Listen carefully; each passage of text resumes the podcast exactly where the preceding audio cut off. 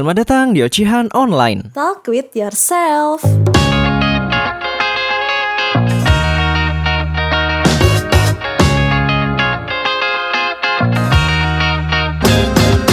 Selamat datang di Ocehan Online. Talk with yourself. Tada tada tada tada. Enggak itu. Biar menambah semangat. Gitu loh. Jangan ketawa please please. Oke.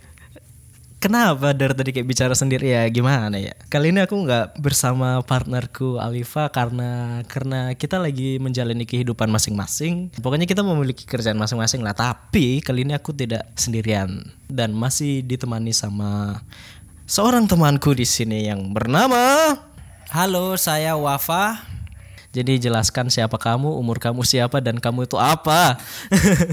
Ah, nama saya ah, biasanya dipanggil Wafa, umur 21 ya sama kayak Dwi. Seumuran lah. tapi tapi tapi menurutmu umur 21 tuh tua nggak sih? Kayaknya enggak deh. Kalau dibilang tua enggak, tapi mungkin paling tidak kita harus berusaha mencari pengalaman yang banyak dari umur 21 ini. Nggak tua kan 21? Ah, masih muda, produktif harusnya. Harusnya sih ya. Harusnya. Tapi tapi sering dipanggil om-om gak sih kayak kayak ada kecil kayak om om om. Ah, dipanggil Om ya, mungkin tergantung penampilan. Kalau lagi seperti Om-om ya dipanggilnya Om. Kalau lagi nyantai ya dipanggilnya kadang Dek. Nanti nanti kalau kita balas oh sini sini main sama om nanti om beliin iPhone kan gak Nah, enak tuh. itu itu serba salah tuh.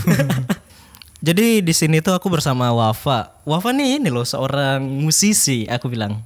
tapi tapi iya, iya. tapi mau gak sih dibilang musisi? Ah, bukan musisi, pengamat musik dan kebetulan pemain musik belum pantas lah dibilang musisi. Musisi itu pemain musik kan. Enggak, musisi itu mereka sudah terjun secara total ke industri musik. Tapi kan kamu sedikit lagi bakal terjun nih. Ah, kita lihat saja nanti mudah-mudahan. Jadi Wafa ini aku bilang dia seorang musisi dan kenapa aku bilang musisi karena dia bermain musik itu dari zaman dia masih kecil gitu. So, apa bu- umur 4 tahun ya kamu main musik? Ah, tujuh. Tujuh tahun. Berapa tahun sih main musik? Kalau dihitung 7 Tujuh ini udah 2021 tujuh lah. 14 tahun. 14 tahun men. Gak pernah ngitung soalnya. Belajar musik dari mana? Belajar musik mungkin dari ketertarikan ngelihat ini aja ya.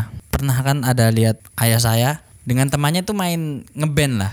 Ini kok ada instrumen yang suaranya nggak biasa ini. Dem dem dem dem gitu kan. Kayak nggak menarik tapi kalau nggak ada ini hambar rasanya musik. Nah, mulai dari situ mulai tertarik dengan bass. Bass. Nah, mulai belajar lah di situ. Akhirnya keterusan pengen coba main gitar. Ya bisa sih main gitar, cuman rasanya lebih tertarik ke bass aja gitu. Tapi gokil gak sih di umur 7 tahun tuh bisa tahu alat musik kayak gitu. Aku nih di umur 7 tahun tuh nggak tahu apa-apa soal kehidupan loh. Tahunya cuma main main main main. Tapi Ya, tujuh tahun itu juga belajar main bass sambil masih main becek gitu. gila sih kayak di umur 7 tahun gitu udah main apa udah mengenal musik gitu. Nggak bagiku tuh udah luar biasa sekali. Tapi tapi kalau udah mengenal kayak gitu pasti luar biasa sekali sih sekarang. Ah, mungkin untuk seumur segitu luar biasa, tapi kalau untuk seusia sekarang sepertinya ini bukan lagi hal yang luar biasa, tapi sesuatu yang harus digali. ya tapi kesehariannya memang main musik atau memang bagaimana nih? Kesehariannya ya ya nyantai aja sih. Maksudnya sambil kerja biasa juga sambil main musik. Kadang-kadang juga buat lagu kan band saya kan butuh materi untuk berkarya terus. Seperti itu aja sih kesehariannya. sudah bisa dibilang musisi harusnya kalau kayak begitu Wah, belum pengamat musik sama kebetulan bisa nulis lagu gitu aja. uang dari musik udah dapat berapa nih Uang dari musik ya. Ah, uang dari musik mungkin pemasukan dari musik kita nggak begitu memperhatikan karena di satu sisi ah, band band saya kan ah, Arvizu Band ya itu lebih mengutamakan tentang idealisme dalam berkarya daripada kita mencari komersial dari karya. oh berarti musik untuk hidup hidup untuk musik Bukan, bukan hidup untuk musik, tapi hidup untuk berkarya agar orang lain bisa menikmati apa yang ada dalam isi pikiran kita. Oh ya, Dwi, Dwi juga kalau nggak salah dulu pemusik juga ya? Kan kita dulu seng apa dulu kita satu band pak gokil, gokil, gokil. dulu kalau bisa dibilang aku juga seorang pemain musik cuma jadi jadi sekarang podcaster handal Jadi gitu lah. si Dwi ini dulu aslinya pemain gitar, tapi karena satu dan lain hal memutuskan pensiun. Karena di apa ya, bisa dibilang hidup dari musik itu nggak dapat uang sama sekali aku pas That's- itu. Betul, that's right. Sampai sekarang pun kalau kita bermusik di Merauke kita mencari komersial, kita bakal kalah dengan yang namanya kebutuhan. Iya betul betul betul. Jadi dulu tuh pernah berpindah haluan sih gara-gara tidak dapat uang dan kesibukan sekolah dulu pas itu. Dulu masih zaman sekolah kita Iya, ngeband SMP. itu. Gokil, SMP udah pensi di sekolah. Tapi itu wajar sih kalau di umur segitu pensi di sekolah. Hal wajar aja sih. Dwi dulu kan juga pemusik ya. Kalau boleh tahu nih referensi bermusiknya apa sih biar teman-teman juga tahu nih. Siapa tahu pengen dapat referensi dari uh, referensinya Dwi gitu. Kalau referensi itu ini referensi musikku itu banyak. Cuma kalau bisa dibilang apa saya suka menyesuaikan dengan suasana hatiku dan ya, pokoknya selalu mengikuti apa kata hatiku pengen dengar lagu ini ya lagu ini kalau lagi seneng lagu itu ya pasti bakal diputar lagu itu. Lebih ke perasaan ya. Tapi genre musik tuh ternyata ini bisa menilai atau mengetahui kepribadiannya orang. Ya betul betul. Ya sama seperti kita memahami sesuatu kan. Begitu juga dengan genre musik. Ketika kita senang dengar genre musik yang ini, kita tidak mungkin terus berpatokan di situ. Kenapa? Namanya kita mendengarkan sesuatu itu akan mencari sesuatu yang cocok dengan perasaannya kita. Misalnya lagi seneng nih pasti dengarnya kan lagu ceria. Nah, kalau lagi marah mungkin dengarnya lagu apa gitu. Mau dengar lagu metal juga nggak apa-apa sih. Eh referensi lagumu apa kalau gitu?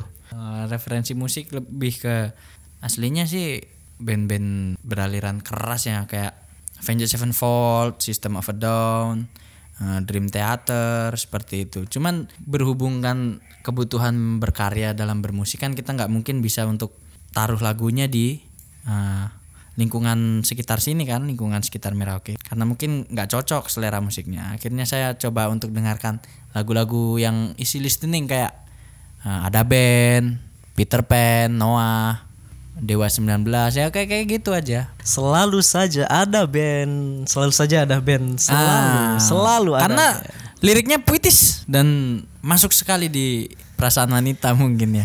seberapa berpengaruh besarnya sih ada band di dalam musikmu itu? Sangat berpengaruh, terutama dalam lirik. Kalau untuk segi musik, mungkin referensinya lebih banyak ke Dewa 19 ya.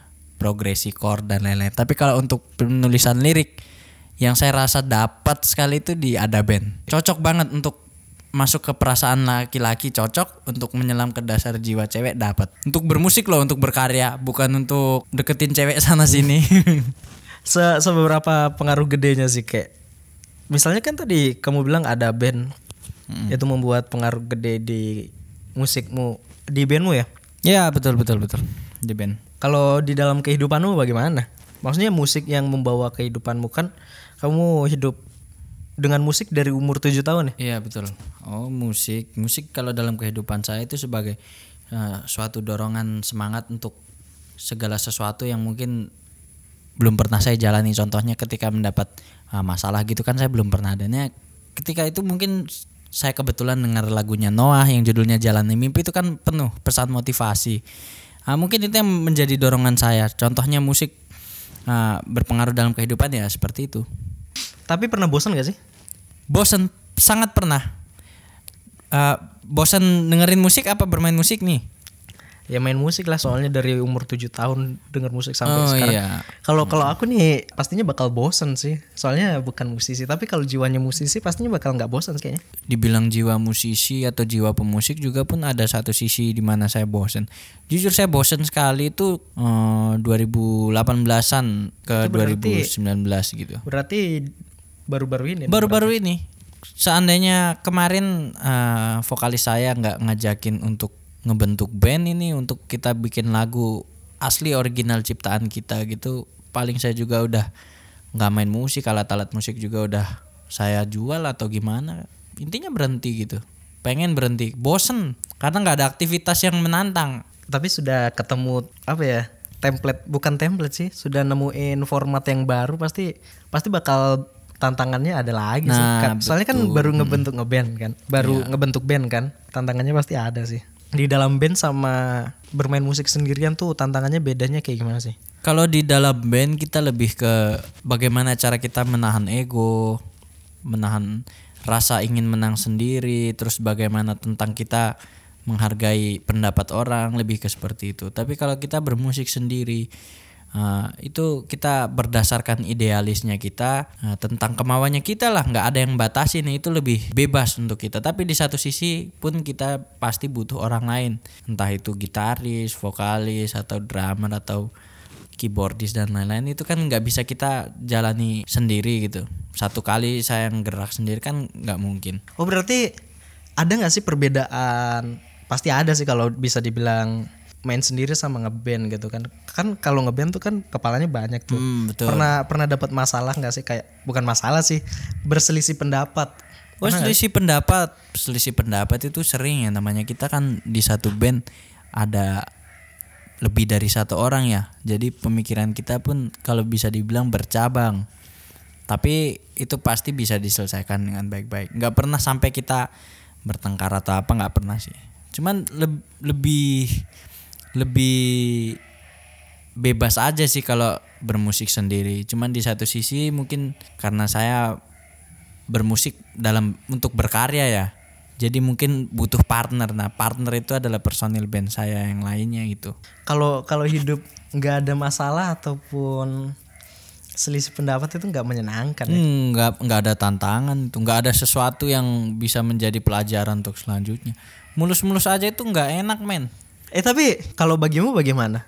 Ada tantangan nggak sih ngeband gitu? Ngeband tantangannya, tantangan ngeband mungkin lebih ke percaya diri. Secara karakteristik mungkin saya bukan orang yang punya percaya diri yang tinggi di depan orang banyak. Mungkin tantangannya seperti itu tentang bagaimana saya meyakinkan diri sendiri. Tapi bukannya pemain musik itu ini ya, kebanyakan yang percaya dirinya luar biasa gitu. Oh enggak juga, karena ada yang kelihatan percaya dirinya tinggi banget, tapi ketika di atas panggung dia itu maksimal, betul-betul maksimal. Setelah turun panggung ternyata dia baru cerita tadi groginya parah, cuman dia berani uh, menampilkan penampilan yang maksimal karena apa? Karena nggak ngelihat penonton, nggak ngelihat sorot mata penonton, Ternyata ini mereka orang yang berhasil survive di dalam kehidupan. mencari kepercayaan diri yang tumbuh dari dalam diri sendiri itu susah loh. Biasanya kan kita mendapat nah, dorongan dari luar. Ayo kamu bisa, kamu bisa, kamu pasti bisa. Semangat, semangat, semangat itu yang menjadi dorongan dari luar. Kalau dari dalam diri mungkin lebih ke tiap orang beda-beda ya mungkin. Tapi menurut lu gimana sih kan tadi bilang kamu pemalu. Ya nggak mungkin sih kayaknya pemalu. Musisi gitu loh secara. Ada satu sisi sih kalau kita misalnya ngeband nih perform. Namanya grogi pasti ada. Maupun pemula atau udah profesional gitu pasti ada rasa grogi. Kenapa? Karena rasa grogi itu uh, yang muncul ketika kita ini belum yakin dengan diri sendiri. Bisa nggak nih kita penampilannya maksimal kali ini? Tapi biasanya yang grogi gitu ketika udah di atas panggung udah mulai uh, ibaratnya orang bilang panas gitulah. Udah mulai panas mesinnya gitu udah maksimal aja sih ya sama kayak gitu. Kalau ngeband kan tantangannya di awal aja ketika perform. Habis itu nggak ada tantangannya lagi. tantangannya lebih ke menjaga supaya rapi aja bermusiknya. Biar nggak acak-acakan di atas panggung kan malu sendiri tuh. Ya jelas lah ditonton banyak orang. iyalah masa mau bunuh diri di atas panggung? Jujur nih di podcast aja nih saya grogi loh. Kenapa? Karena ini nggak terbiasa eh, dapat tantangan seperti ini. Baru awal sih Tapi kebanyakan orang yang masuk dunia podcast tuh ini sih orang yang malu dengan penampilan. tapi kan ini nggak ada penampilan, tapi kok grogi sih? ya lebih ke cara menyampaikan sesuatu aja sih takutnya Takutnya nggak nyampe sama orangnya. nah betul kayak gitu Karena kita ngandalin suara doang. betul betul betul aku pingin nanya kembali ke topik sebelumnya. Tapi tujuan ngeband ini apa sih? Gak mungkin sih kayak cuma ngeband ngeband ngebuang waktu gitu sih. ini sulit sih sebenarnya. Karena tujuan ngeband saya kan lebih ke tentang naluri ya naluri sebagai manusia. Kita kan juga paling butuh hiburan ya. Tapi kalau untuk tujuan tujuan ngeband akhir-akhir ini mungkin tujuannya udah ada ya.